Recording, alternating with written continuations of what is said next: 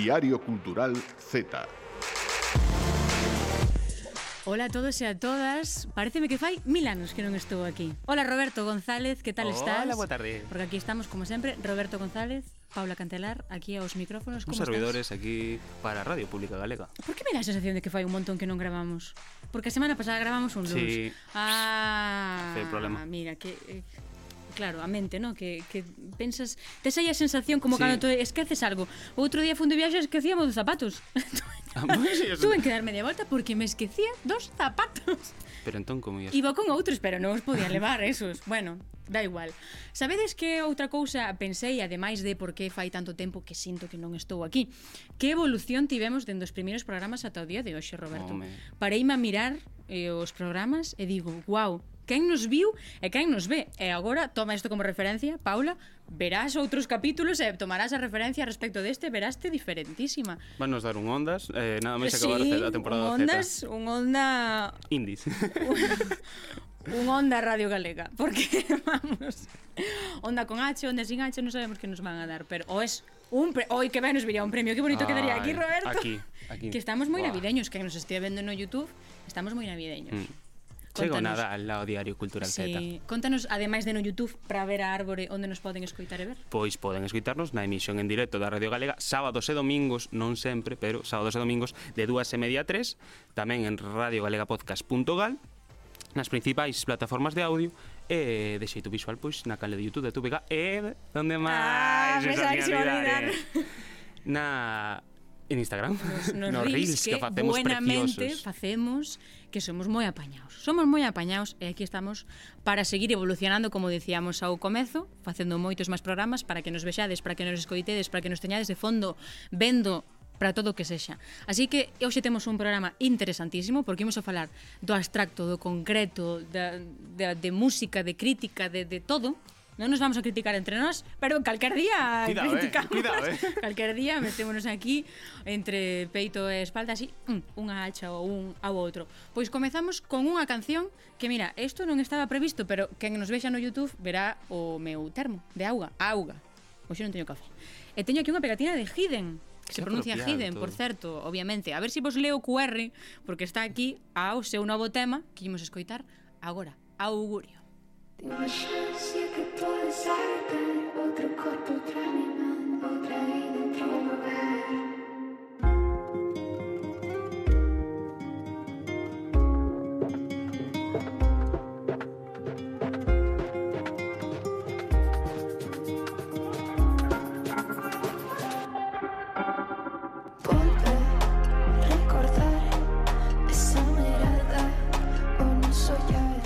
hoxe temos con nosco a unha grandísima recomendación que mm, nos fixo o noso compañeiro Javi Noia, o noso produtor daqui da Radio Galega Javi Noia, que é Dan Grigore. Contanos, Robert, quen é Dan Grigore? Pois Dan Grigore... Que... Ademais dun pianista, continuamos, tamén é... Eh? Ben do Grove, aínda que é natural de Rumanía, é fotógrafa e artista audiovisual que, pese a ser Z, pois 20 anos ten. É que, que me flipa. Que, que me pillara. Que me loco. Pese a ser Z xa ten unha carreira pois envexable e eu atrevería a decirme acelerada. Logo falaremos diso, vale. pero hai un ano foi a primeira vez que reuniu o seu traballo, as súas imaxes nunha exposición, foi na Galería Besada da súa, da súa vila de, do Grove, Ojos Marinos e Pensamientos Terrenosos eh, e que recibiu pois bastante apoio. E foi un impulso para, eh, para que pois neste verán alevou, eh, acabou na meseta. Na meseta? En Madrid. Como que, que pouco nos gusta a meseta. a mesma colección pois estivo colgada nas Galerías Azur pero que entre medias tamén se levou un galardón por o seu documental de prisión na, na gala Ostras de Pedra, tamén un premio Xuxo Lobato, aonde que falamos que os premios son secundarios. eh, un pouco como se fora un efecto dominó, pois imos tel agora en Toronto, en Canadá. A directora da Artio Gallery, Visa Bennett, fixouse nela e invitou a participar na mostra grupal Interconnecting cos seus traballos La vehemencia e un mundo interior. Esta é Dan Grigore. Dan Aquí Grigore. temos, efectivamente, benvida a Dan Grigore. Boas tardes, boas tardes, Paula, boas Como tardes. Estás? Como estamos? Tardes. Como estás despois desta carreira? Porque non podes estar wow, ben. sudando, a verdade que sudando, non, non me dá tempo para ni para comer, como que di, pero ben, estou moi ben. Sí, sí. moito traballo da... Sí, hai que saber xestionar o tempo, pero sí, sí, moi ben, moi ben. E como te sintes, claro, porque que é isto de que acabe en Canadá? unha exposición? Como foi pois, o proceso? Todavía Contanos. estou, todavía estou coa resaca emocional, e dicirte, pero estou moi ben, estou moi ben, e dicir, todo comezou porque, bueno, Carlos Besada convidoume a realizar unha exposición na súa galería uh -huh. e levei todo o que tiña, fui con todo, o todo ou nada. Xa. E levei a miña exposición entera e a través diso pois foi un poquito Instagram, un poquito contactos, un poquito pois que a xente lle gustou e fixolle sentir cousas o que falaba desde o abstracto. Uh -huh. Pois al final pois eis iso, a xente conectou e acabou primeiro na meseta en Madrid uh -huh. despois de, de estar no Grove e agora en Canadá foi todo así de repente o que diste unha carreira pff, eh, de 50 metros non dou tempo máis xa, e cales son as que están as obras que están en Canadá? a Vemencia e cal te diría buah, a Vemencia e cal é a outra ah, é o mundo interior o sí. mundo interior Ajá. Wow, E se tiveras que definiras un pouco, bueno, definiras nunha palabra non, porque eso é unha merda definir unha palabra. Porque unha palabra, foto. eh, definir unha foto. Un pouco definir a, a esencia de, desas de obras para que pudiéramos entendelas moito mellor a pesar de velas, como como definirías esas obras? De la definiría con tres palabras, desnudar a alma desnudar a amba, ambas as dúas. Sí. Porque mirade, a, vemencia creo que a temos detrás, pode ser? Alma. Efectivamente, a vemencia son eh, sí. eh, para as persoas que nos vexan no YouTube teñen detrás, eh, estarán vendo dúas mans agora detrás de Dan, para que nos estea escoitando son dúas mans, non? Tocándose claro, nunhas sabas, pode ser. Efectivamente. É un mundo interior é eh, a que a mí me encanta, que me perturba moitísimo, creo que non a temos detrás, non. non a temos. Pero é unha unha persoa no mar con unha caixa na cabeza eh, enorme. Eh, sí. E claro, e aquí é un pouco que falábamos. Eh, é moi abstracto iso para nós. A min, por exemplo, pertúrbame. Hmm. Pertúrbame esa como me perturba a das feridas nas costas, sí. o, a muller que está na, na caixa, non? É, como con moita sangue, pode ser sí, pintura vermella. Sí, sí, sí, esa da próxima colección que estou traballando nela. Pois pues, son fotografías que nos perturban. Entón, hmm. claro, a xente que non sabemos por que o fixeches, contanos que hai detrás das túas creacións. Procuras perturbarnos, é, a túa, é o teu obxectivo? No, é dicir, é moi contradictorio porque eu sou unha persoa que considerame moi tranquiliña, unha persoa feliz, diría Xa te eu. vemos que eres, transmites moi boas vibes, non está mal a cabeza. Pero, sin embargo, coa miña arte é todo o contrario, é unha perturbación que den, venden de moi adentro, diría eu. Uh -huh. Por exemplo, co que falabas ti do mundo interior, pois al final é unha obra que mm, pois naceu dun soño Así un señor era un momento, digamos, turbio da miña vida, no cal eu sentía que había moitísima liberdade, moitísimas oportunidades por todos lados, pero era eu mesma que non era capaz de velas. Entonces, caixa, non? Claro, entonces eh, foi esa sinestesia, foi esa, porque ao final todas as miñas obras parten das emocións. E a partir sí. das emocións eu, eu, eu imagino imaxes, o sea, imaxinome imaxes. Uh -huh.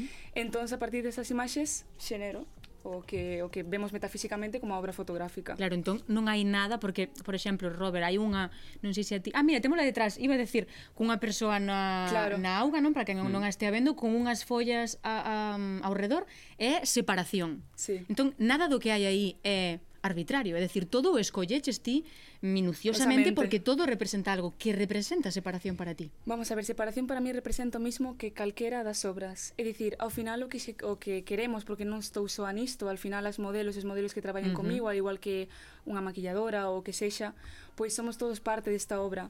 E o que queremos transmitir con cada unha delas ao final é pois esa combinación de da alma que existe entre cada un de nós. É a combinación de mm, desa Ujú. confianza que xeramos entre un outro, desnudar as nosas almas para que ti como espectadora pois sintas como espello esa, esa obra que ti teñas a, ti, a túa propia percepción da obra e que a través diso pois sintas o que tiñas que sentir, un espello de ti mesma ao final. Oh, pois pues mira, e os demais perturbanos.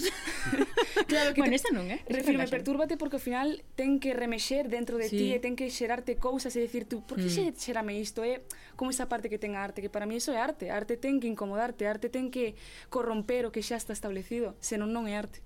Con 20 anos e mira que verbas. Eh, Precisamente eh, o que dicías de, de, de desnudar a alma, eh, eu recollín eh, buscando en internet unhas, unhas verbas de, de Dan que diden o seguinte Anelo topar a conexión que existe entre a visión e o sentimento. Espido desnudar a miña alma e a doutros seres a través das miñas obras, para así xerar emocionalidade, reflexión e, sobre todo, unha inquedanza especial que fago o espectador que observa as miñas pezas sentir e descubrirse de novo. É un pouco que comentabas antes, pero para, mm, para xente que quizá non está tan conectada co, hmm. co, con este mundo da arte, da, da, das exposicións e tal, que, que significa para ti exactamente eh, desnudar a alma, expira a alma? Todo, mira, explico che.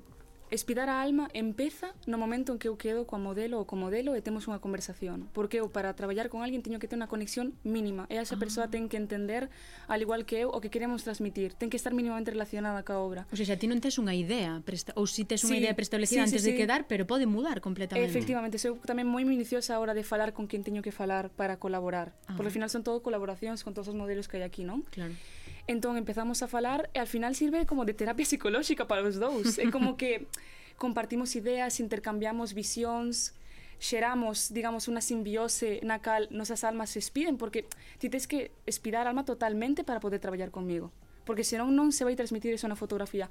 E logo, cando realizamos a obra, pois hai un momento moi íntimo no cal a modelo eu falamos, vemos como queremos transmitir, vemos como queremos facer as cousas, En ese momento decimos, vale, vai ser así a foto.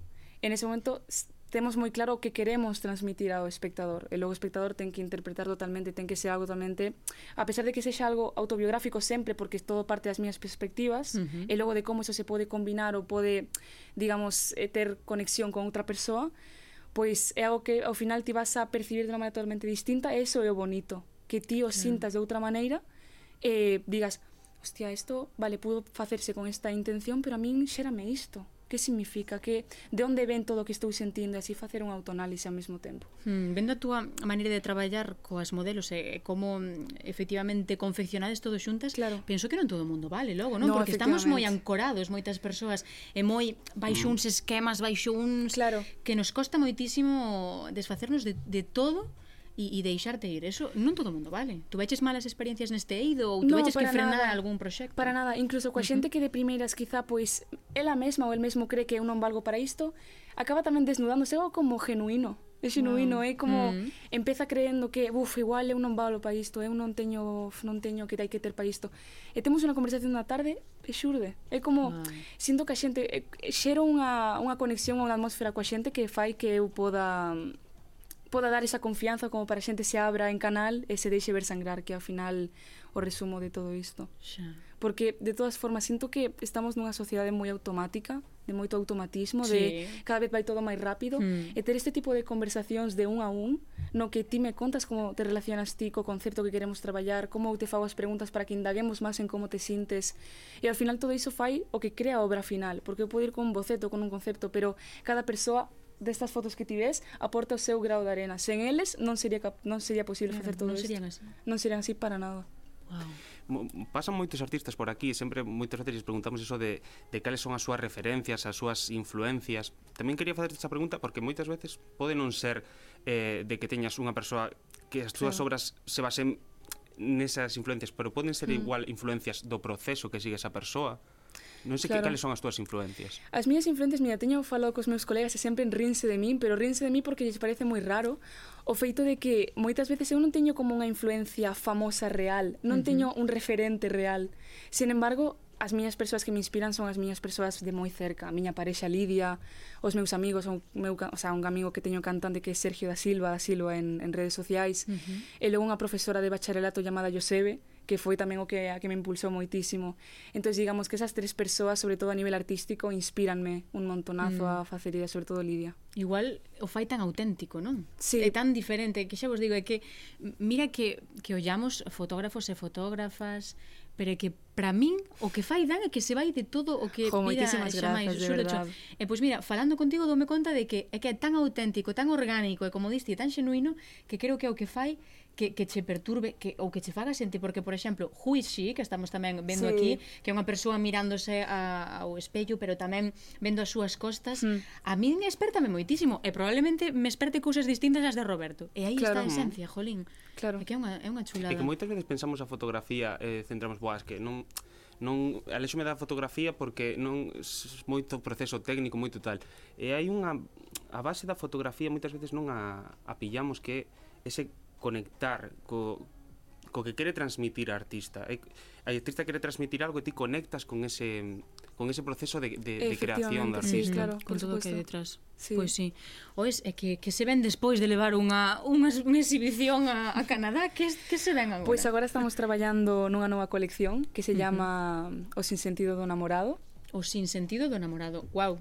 Fala do amor romántico desde todas as perspectivas vividas, desde uh -huh. o meu punto persoal é unha colección moito máis desnuda ou espida do que foi esta, así que uh -huh. imagínate, estamos niso e ademais vamos expoñer unha experiencia que isto é a, a primicia, é a primeira vez que o conto, conto aquí en primicia. Anotade. Exclusiva. Eh, vamos, estou traballando con unha galería de Pontevedra, con Galería Tangram para facer unha experiencia inmersiva que pretendamos logo levar pois quizá de xira, estamos pensando como vamos facer, unha experiencia inmersiva que te leve máis alá das obras, que ti vivas en primeira persoa a atmosfera de Grigore e a atmosfera das obras E, pois iso estamos traballando nunha exposición así interactiva con 20 anos e mira pa aquí xa no, no. xira no Canadá. O sea, a primeira, a primeira foi no Grove, a segunda Madrid, a terceira en Canadá, pois pues, eh, a seguinte Joder, na Luz. A seguinte, efectivamente, é claro, porque porque nos tinguimos a falar da fotografía que foi o que máis nos chamou, pero xa falamos dos premios sí. que levou eh, dirección. Eh, sí, fago dirección, de cine, dirección sí, de cine. Fixen a cena dun videoclip tamén para, Exacto. para da Silva. E tes, eh, efectivamente, me olvidé tes proxectos audiovisuais. É sí. dicir,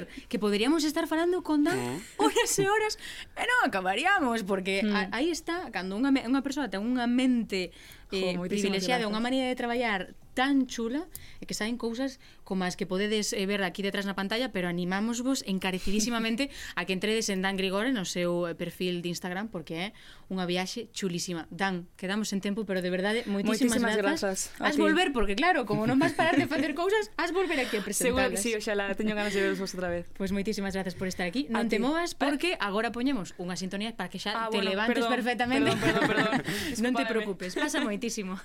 moitísimas grazas Dan e agora temos que dar paso a nosa colaboración colaboradora Celia Eiras.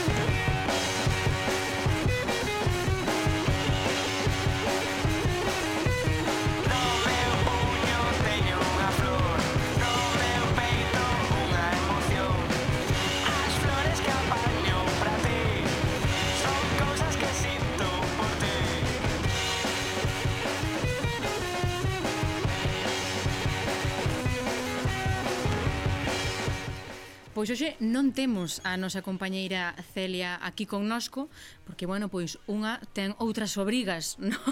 Boa tarde, Celia, que tal, como andas? Boa tarde, que tal?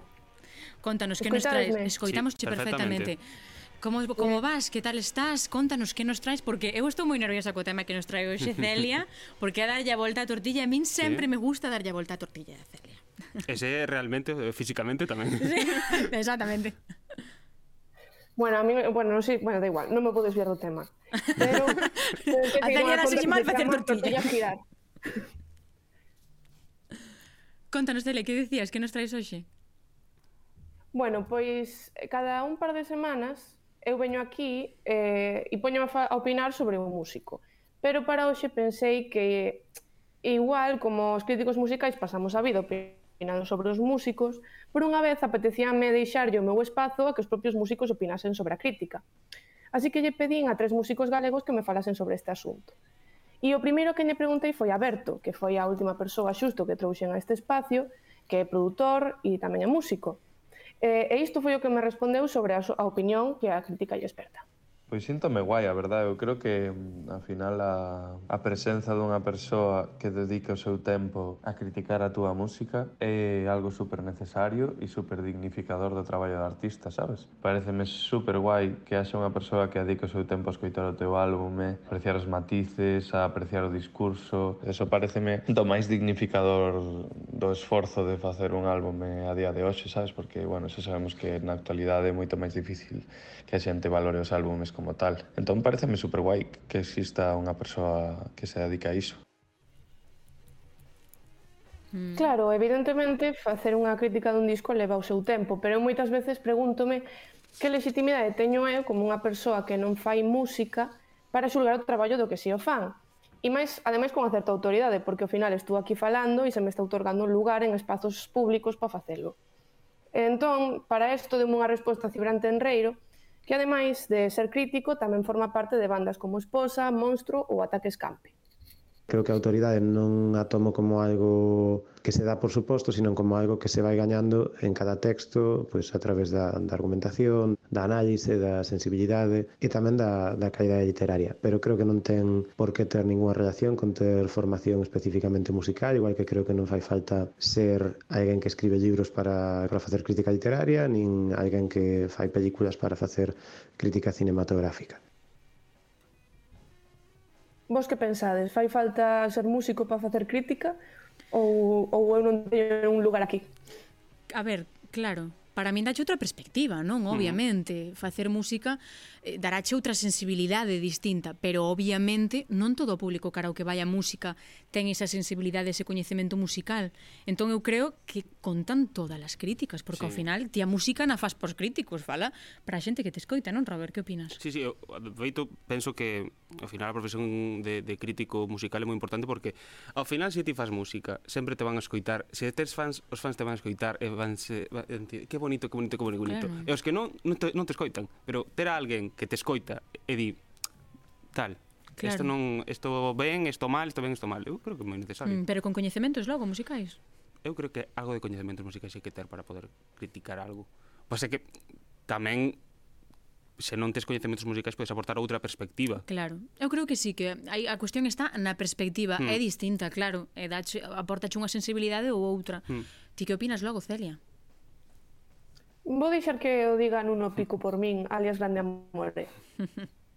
e ante a existencia dunha figura de suposta autoridade como son logo, os críticos, como me sinto? Bueno, eu ben, eh, sinceramente, creo que hai como unha histórica oposición, non? Unha especie de guerra encuberta entre músicos e críticos. Non o sei, eu creo que está ben que, que, que a música sexa xulgada por alguén desde fora, alguén que non se dedique a, a compoñela, porque polo feito de dedicarte a compoñela, tú eh, vas ter un, pues, non sei si, uns vicios ou, ou, ou uns prexuizos a hora de, pois pues eso, de analizar a música que están moi influenciados polo propio proceso de facela, polo proceso, digamos, non sei como dicir, mecánico ou artesanal de facela, o cual non influye no produto final. Suélese pensar moito, pois pues eso, de que por, por, por, por unha canción ter máis instrumentación, máis arranxos, sexa máis complexa ou máis difícil de facer como tal, pois sexa mellor Mm, e iso a mellor é unha idea que sí que ven moito dende os propios músicos, o cual é normal, eh? Pois seguro que tamén lle pasará igual aos cociñeiros. Os propios cociñeiros valoran máis os platos que levan moitísimas horas facer e con non sei cantos ingredientes e tendo que caramelizar cousas e tal e ao final pois, unha tortilla de patacas pois, tamén funciona increíble e non é tan complexa. Outra vez a tortilla. que chula, xa, e que chulada de comparativas, non? De mm. metáforas tamén, sí. Nuno é un poeta, xa o sabemos. Pero, mm. bueno, teño que decir que a, a resposta de Nuno pillou un pouco por sorpresa, porque para min o enfoque de Nuno vai máis alá de falar da crítica, sino do público, porque mm, estando allí o proceso de creación ten unha legitimidade para valorar a música, aínda que non teña coñecementos musicais per se, ou polo menos non saiba facer música. E isto foi me reflexionar un pouco sobre a crítica como unha instancia mm, representante do propio público, xa que ao final un crítico non é máis que unha parte do público que ten un espazo para erguer a súa voz máis que o resto do público. Ou realmente non, porque igual hai décadas a crítica era unha instancia de autoridade que tiña poder para decidir sobre que música era boa ou cal non. Pero a día de hoxe eu polo menos non o teño moi claro. E Cibran opina o seguinte. A verdade é que a día de hoxe dubido de se hai figuras dentro da crítica que teñan mm, moita autoridade, non? E non o digo por falta de calidade, sino pola falta de, de relevancia cultural que ten a crítica actualmente, na súa maioría. En xeral, non creo que a crítica funcione como unha un espazo de difusión eficiente da, da nosa música. Creo que na maioría dos casos cando hai un contido xornalístico que lle funciona aos grupos nos que participei ou que lle funciona aos grupos en xeral agora, tende máis a ser a entrevista e menos a crítica ou incluso a, a crónica, non? Que son, por outra parte, pois cousas que ou a reportaxe, que son cousas que a min sempre me gustou moito ler e que boto un pouco en falta. Díceme a verdade, vos adoitades ler críticas de discos? Mm. no. No, a verdade que non. No, pero porque sí que eh, non é que me enfíe nin que confíe no que a min me mova, senón que me dá un pouco igual, non? Porque ao mm. final mm. se para min esperta algo, suficiente. Non, ai, non sei que decirvos. Eu que son máis fan da, da entrevista. Eu sei, ah, unha entre, sí. un, sei un formato de entrevista, verdade, que sí. como que teño máis apego a ese tipo de formatos. Sí, non? Que che diga que pretendía mm. eh, comparar, non? Con que che chegou a ti. Mm. É que, a ver, supoño que será que a xente lle interesa moito máis o que teña que decir o artista que o crítico que está falando sobre o propio artista. Pero quizáis tamén é porque a verdadeira función da crítica, que se supón que é reflexionar e crear un espacio de diálogo entre artista e público, estáse diluindo. Porque cando eu preguntei a Cibran sobre a orientación das críticas que os seus proxectos recibiron, el respondeume isto. En xeral, eh, a maioría de críticas que recibiron os os grupos dos que participo, ou participei, eu creo que foron casi sempre positivas. Pero é certo que moitas veces mm, creo que non eran críticas relevantes, nin, nin tiñan moito interese e eran para min un pouco decepcionantes porque se parecían en moitos casos moito a nota de prensa ou, moitos a, ou moito a lecturas previas que xa se fixeran deses mesmos discos. Entón, Claro, ao final, cando en moitos casos a nota de prensa tamén a facemos desde o propio grupo, pois o que dá rabia é que a crítica que podría ser un espazo precisamente de diálogo e de reflexión e de facer que mm, que nos puidésemos reformular como estamos facendo as cousas ou que mm, puntos fracos pode ter o que que facemos ou que, non sei, incoherencias ou inconsistencias, non sei como decilo, eh, non acaba de, de funcionar así, non acaba de surtir ese, ese efecto, non? Eh, iso é unha cousa que, que voto en falta, sexan as críticas positivas ou negativas. Vos pensades que mm, hai unha certa constructividade e reflexión na crítica musical a día de hoxe? A ver, eu supoño que sí, non? Que aí atoparán ese espazo exacto de crítica constructiva ou, ou quizás algunhas non son tan constructivas, pero que É o que decía tamén Nuno nun dos cortes anteriores que escoitábamos, non? Que ao final ti cando estás metido nun proxecto igual se te escapa algo ou é que non eres mm. obxectivo. Entón, ninguén vai a ser obxectivo, nin siquiera criticando, porque tamén ten, pois, un, un, un background, algo detrás que lle fai pois, pensar ou ver as cousas dunha maneira ou doutra. O, o, o obvio sería que fosen constructivas, non? Ti que pensas, Robert? Eu estou un pouco que non sei. creo, que todo. creo, vaya. Hmm. Pero non, tampouco sabería que dicir, a verdad.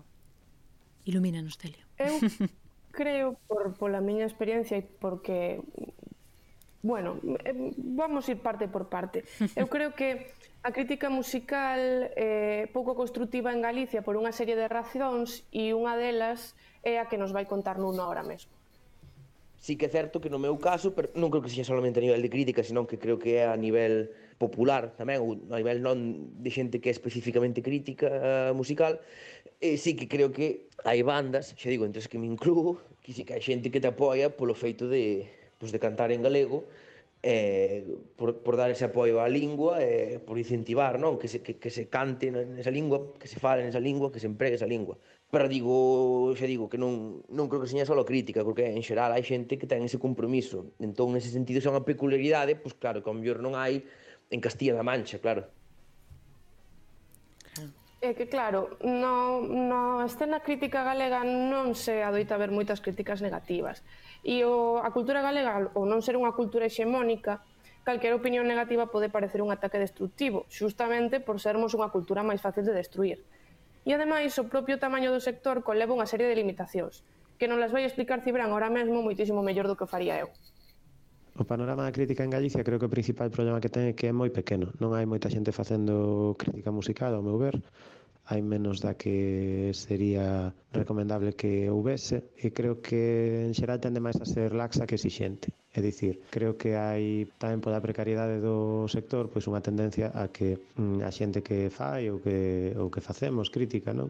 Tendamos a aproveitar os espazos que nos dan para falar do que nos gusta e non do que non nos gusta. E creo que estaría ben un pouco mm, que se recuperasen pois cousas que pasaban prensa especializada ou incluso na prensa xeralista. Eh, hai unha novidade, E esa novidade hai que comentala, e comenta quen lle toque, sempre tentando facer un, unhas valoracións non sei, compensadas e, e honestas, pero se só falamos do que nos gusta, só vai haber críticas positivas. Tamén moitas veces temos unha certa proximidade a artistas dos que falamos, entón iso tamén fai que se nos condicione e que non queiramos buscar nos problemas ao mellor con xente próxima, porque, bueno, sí, a, moitas veces as críticas pois non se llevan ben, non? Entón, pois pareceme que en xeral non se dan as circunstancias para que a crítica sexa algo que enriqueza a escena. É dicir, aquí creo que Cibra nos explicou moi ben dous factores. Unha é que eh, o feito, está o feito de que o sector da crítica musical en Galicia está moi precarizado. E por outra banda, é que a escena é tan pequena que os amiguismos entre crítica e músicos son casi inevitables. E aquí fago a miña propia autocrítica Porque mirado o que me respondeu Berto cando eu lle preguntei se algunha vez recibir unha mala crítica. Bueno, unha vez recibí unha crítica mala por parte de Celia Eiras que me fixo, a verdad, moitísimo ben porque a crítica falaba de que éramos Fere máis eu mellores músicos do que plasmábamos no álbume que fixeramos, entón era como super, non sei, dignificador do noso traballo, como que opinase que podíamos dar máis. E de feito, un ano despois fixeramos Embora, que é un álbum que musicalmente é moitísimo máis rico, e en parte foi gracias a iso, foi como vamos a darlle polo cu a Ceria Eres. É que cando eu escribira esta crítica Puro ocio, que fora o primeiro disco dos Berto, eu acababa de comezar no mundillo e aínda non fixera amizades na escena. E en parte gracias a esta crítica rematei por facerme amiga de Berto. Pero, paradóxicamente, a día de hoxe non me atrevería a escribir esa mesma crítica xustamente porque Berto é o meu amigo. Claro, mira, aí está o asunto. Entón, claro, é complicado. O, a crítica en Galicia é unha cousa bastante complicada. Sí, O sea, que hai que ser autocríticos tamén cos os propios críticos, non? Non hai que ter amigos artistas. Efectivamente. Bueno, nós xa non temos. Pois, Celia, moitísimas grazas por estar, aínda que non de corpo presente, iba a decir, aquí con nosco, por estar eh, acompañándonos esta tarde no Diario Cultural Z. Vémonos na próxima colaboración. Mil grazas. E ali estarei, no estudio. Así me gusta. Pois agora nos temos que continuar porque hai outro espazo de colaboración desta volta con Ana Vaz de la Riva. Cumbia! Cumbia!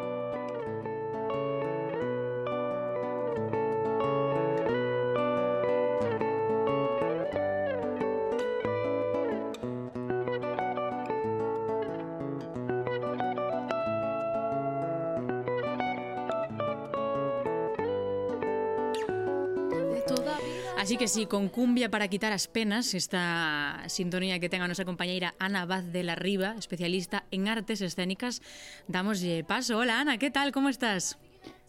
Hola, boa tarde, que tal estades, ben? Pois nos aquí xa ves coa cumbia para quitar as penas para non ter ningunha, Ana.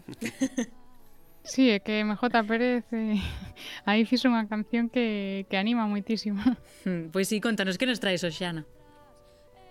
Pois hoxe imos falar coa artista multidisciplinar Constance Urlé, que é escritora, performer, bailarina de jazz, creadora escénica e tamén produtora escénica, sobre os proxectos que ten agora mesmo en marcha coa súa compañía, que se chama como o seu nome artístico, Constance Urle, e coa súa produtora, que se chama Urle Prods. Eh, pedimoslle tamén que nos conte dende a súa experiencia como ve ela a, súa, a situación das artes escénicas en Galicia de cara á creación. Ela agora está a traballar a fondo nunha nova peza que se chama Penélope destecendo o vínculo que aborda a teoría psicolóxica do apego dende as artes escénicas, en concreto dende as artes do movimento, así que xa é unha abordaxe ben interesante. E a peza está dirixida por ela, que tamén forma parte do elenco, xunto os bailaríns Diego Buceta, que tamén asume a dirección coreográfica, e eh, pola bailarina Eva Comesaña.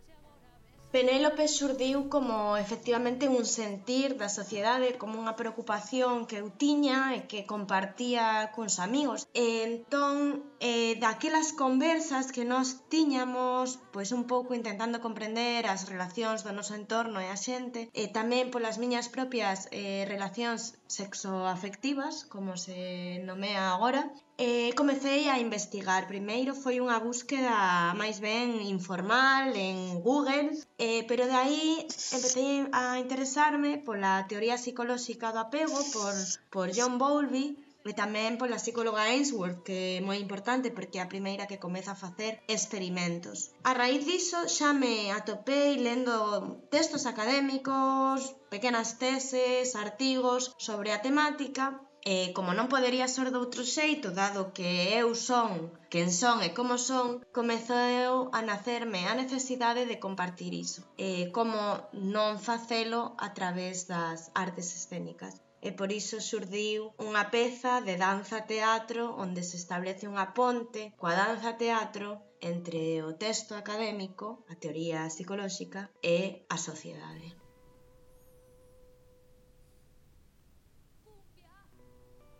Tema ou, ou non, pero xa podemos dicir eh, cando se vai estrear.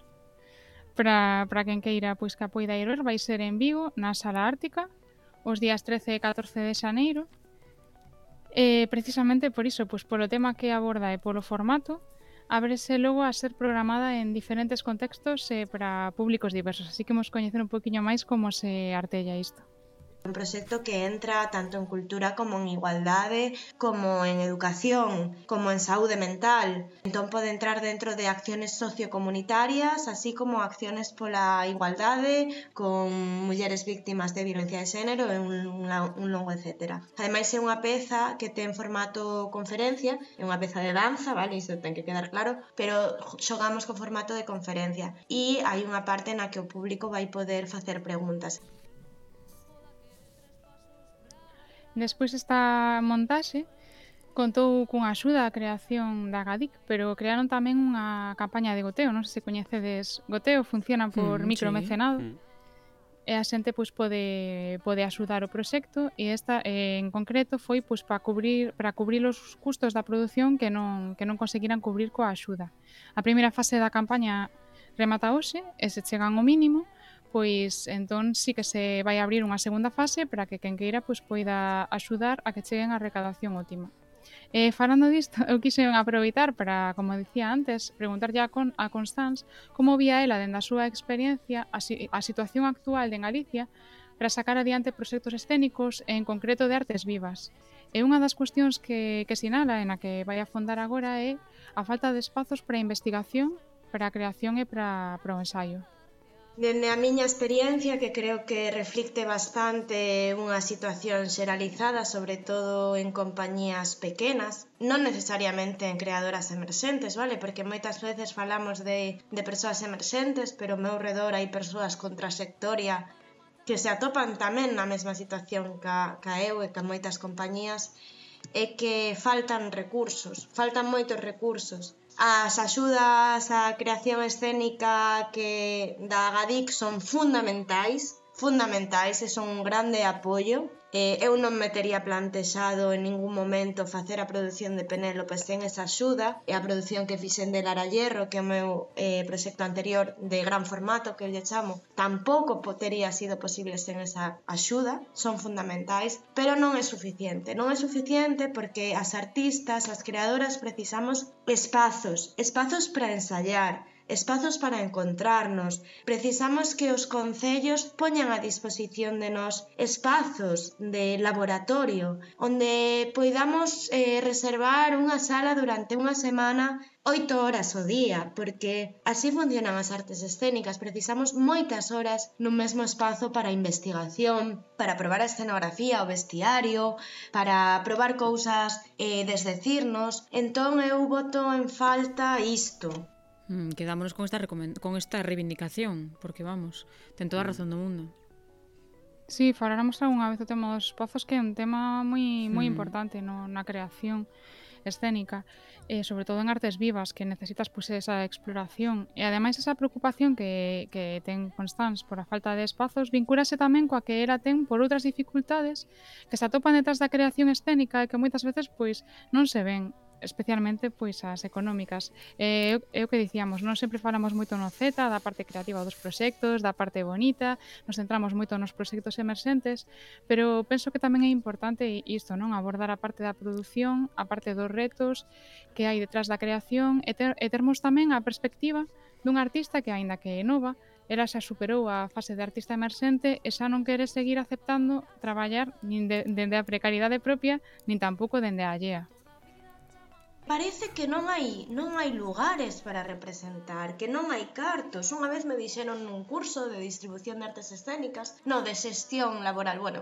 un curso, que a tarta era pequena e non daba para todos. E eu non estou de acordo en absoluto. Que pasa? que quen ten que dividir a tarta non emprega ou non está conectado coa realidade, non só das creadoras senón do público. Eu penso que o público non é tonto e o público non é conservador no sentido de que non queren novos estímulos.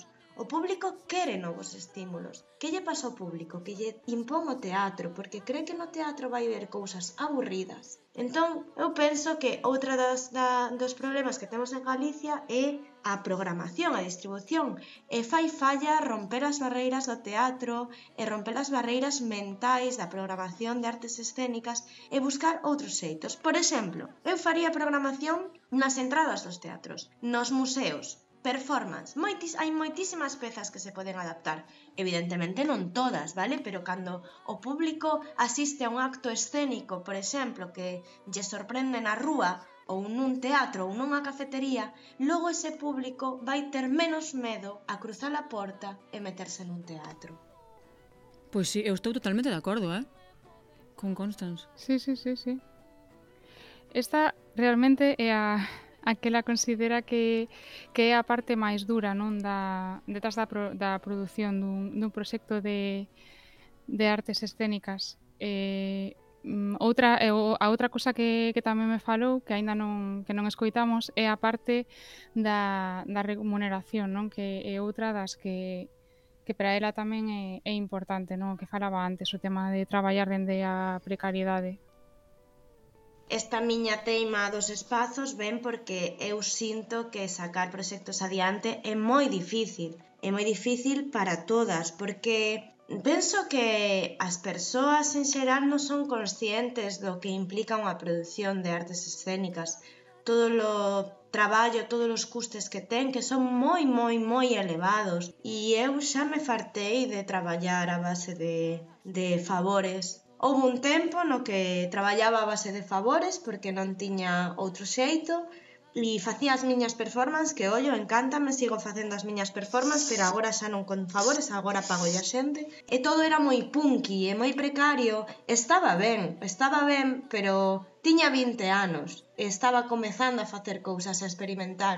Agora non é que sexa moi bella, teño casi 34 anos, pero xa non me apetece pedirlle favores aos meus colegas para, para poder traballar. Entón, bueno, en xeral é un sector bastante difícil e bastante costoso e que implica moitísimas horas de, de traballo, de experimentación, de xestión, de administración, de elaboración de proxectos, moitísimas horas e aínda non mencionei a parte máis dura. Calé. Sí, a parte máis dura é a que... Calé a que nos comentou antes da cuestión da, da, da programación que para ela é, a pesar de que esta parte da remuneración, esta parte dos espazos de ensaio, pero está despois esa parte non de como chegar o, o público e están aí todas esas cousas que penso que é moi importante falar delas. Non sei que vos pareceron as, as propostas que era fai, por exemplo, para a parte de de programación o que dicía, non? Pois de facer performance eh, nas entradas dos, dos teatros, nos museos, noutros espazos alternativos. Sí, eu estou de acordo. Sí, eu penso... Ademais, gustame a xente que, que sí. critica algo, pero tamén propón algo para claro. a, a partir desa de mm. crítica. Sí, Porque a... non todo é criticar, tamén se propós algo a partir desa de crítica, pois pues, é importante. Claro. A mí me parece estupendo. E sí que penso que, que o que comentaba Constance é verdade, é dicir, se vemos cada vez máis cousas, se vemos que algo Eh, normal, eh, demo, eh, democratizado, que todo o mundo pode comprender que non hai que, como na antigüedade, pertencer a un grupo mm, social no. determinado para comprender a arte, porque cada vez está máis democratizada, porque non hai máis nas rúas sabendo que hai esa dificultade de encher teatros. Eu penso que sí que faría que efectivamente quitásemos eh, e nos desleigásemos de todos os prexuizos que temos que fósemos moito máis. Ao teatro eu estou de acordo con Constance tamén. Sí, que ademais hai moitísimas propostas de pequeno formato. Eu, por exemplo, tamén fago pezas performativas e coñezo moita xente non que fai cousas así tamén de pequeno formato, e de performance, e que moitas veces pois que non hai moitos espazos que, que acollan este tipo de propostas e despois cando se fan sí que ves que, hai, que vai público, que a xente pois eh, descobre estas propostas que ademais son híbridas, son moi interesantes por, porque mesturan diferentes xéneros, en a poesía, a, coas artes do movimento, coas proxeccións audiovisuais, coa música, coa, cos xogos de luces, que tes aí moitísima, moitísima riqueza, non? eh, era pois pues, está facendo todo isto, pero era tamén ten a outra perspectiva porque como dicía antes, pois pues, era tamén ben de crear a súa propia produtora. Mm. Entón, mm. pois pues, tamén por iso tamén achega cousas, non? E achega propostas. Sí, e ademais eh, de Penélope que está que está argallando, que está facendo. Está está centrada na estrela de Penélope, uh -huh. na súa distribución posterior, que é o que nos comentaba antes, que é unha peza que pode servir para mm, chegar a chegar a diferentes eh, colectivos, a diferentes públicos, ten ese interese da do formato de conferencia, que quen queira ir e despois tamén facer preguntas, intervir, pois está moi ben. E despois ten varias pezas performativas en activo, como Vísperas Poéticas ou Azoc, dela tamén.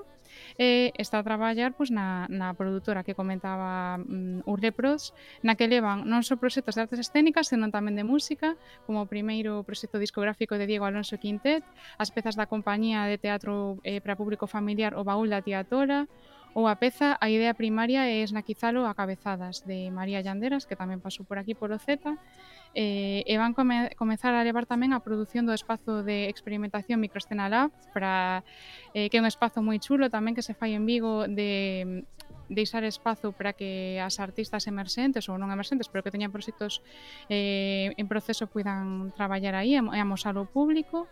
Eh, un novo festival de swing Eh, o microescena Araba, ademais, comezara organizando Constance con Isolda Comesaña, que estivo aquí hai un par de semanas coas guapilongas. Ai, é verdade. Así que todo está así un pouco conectado. Como gustaron as guapilongas.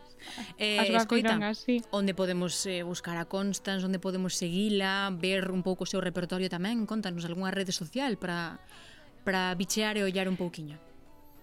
Se a queremos coñecer en persoa, o 23 de decembro podemos ir a, ao mercado reciclado que se vai facer no Espazo Simia en Vigo, que vai estar presentando a súa novela Sen grana e sen frescura.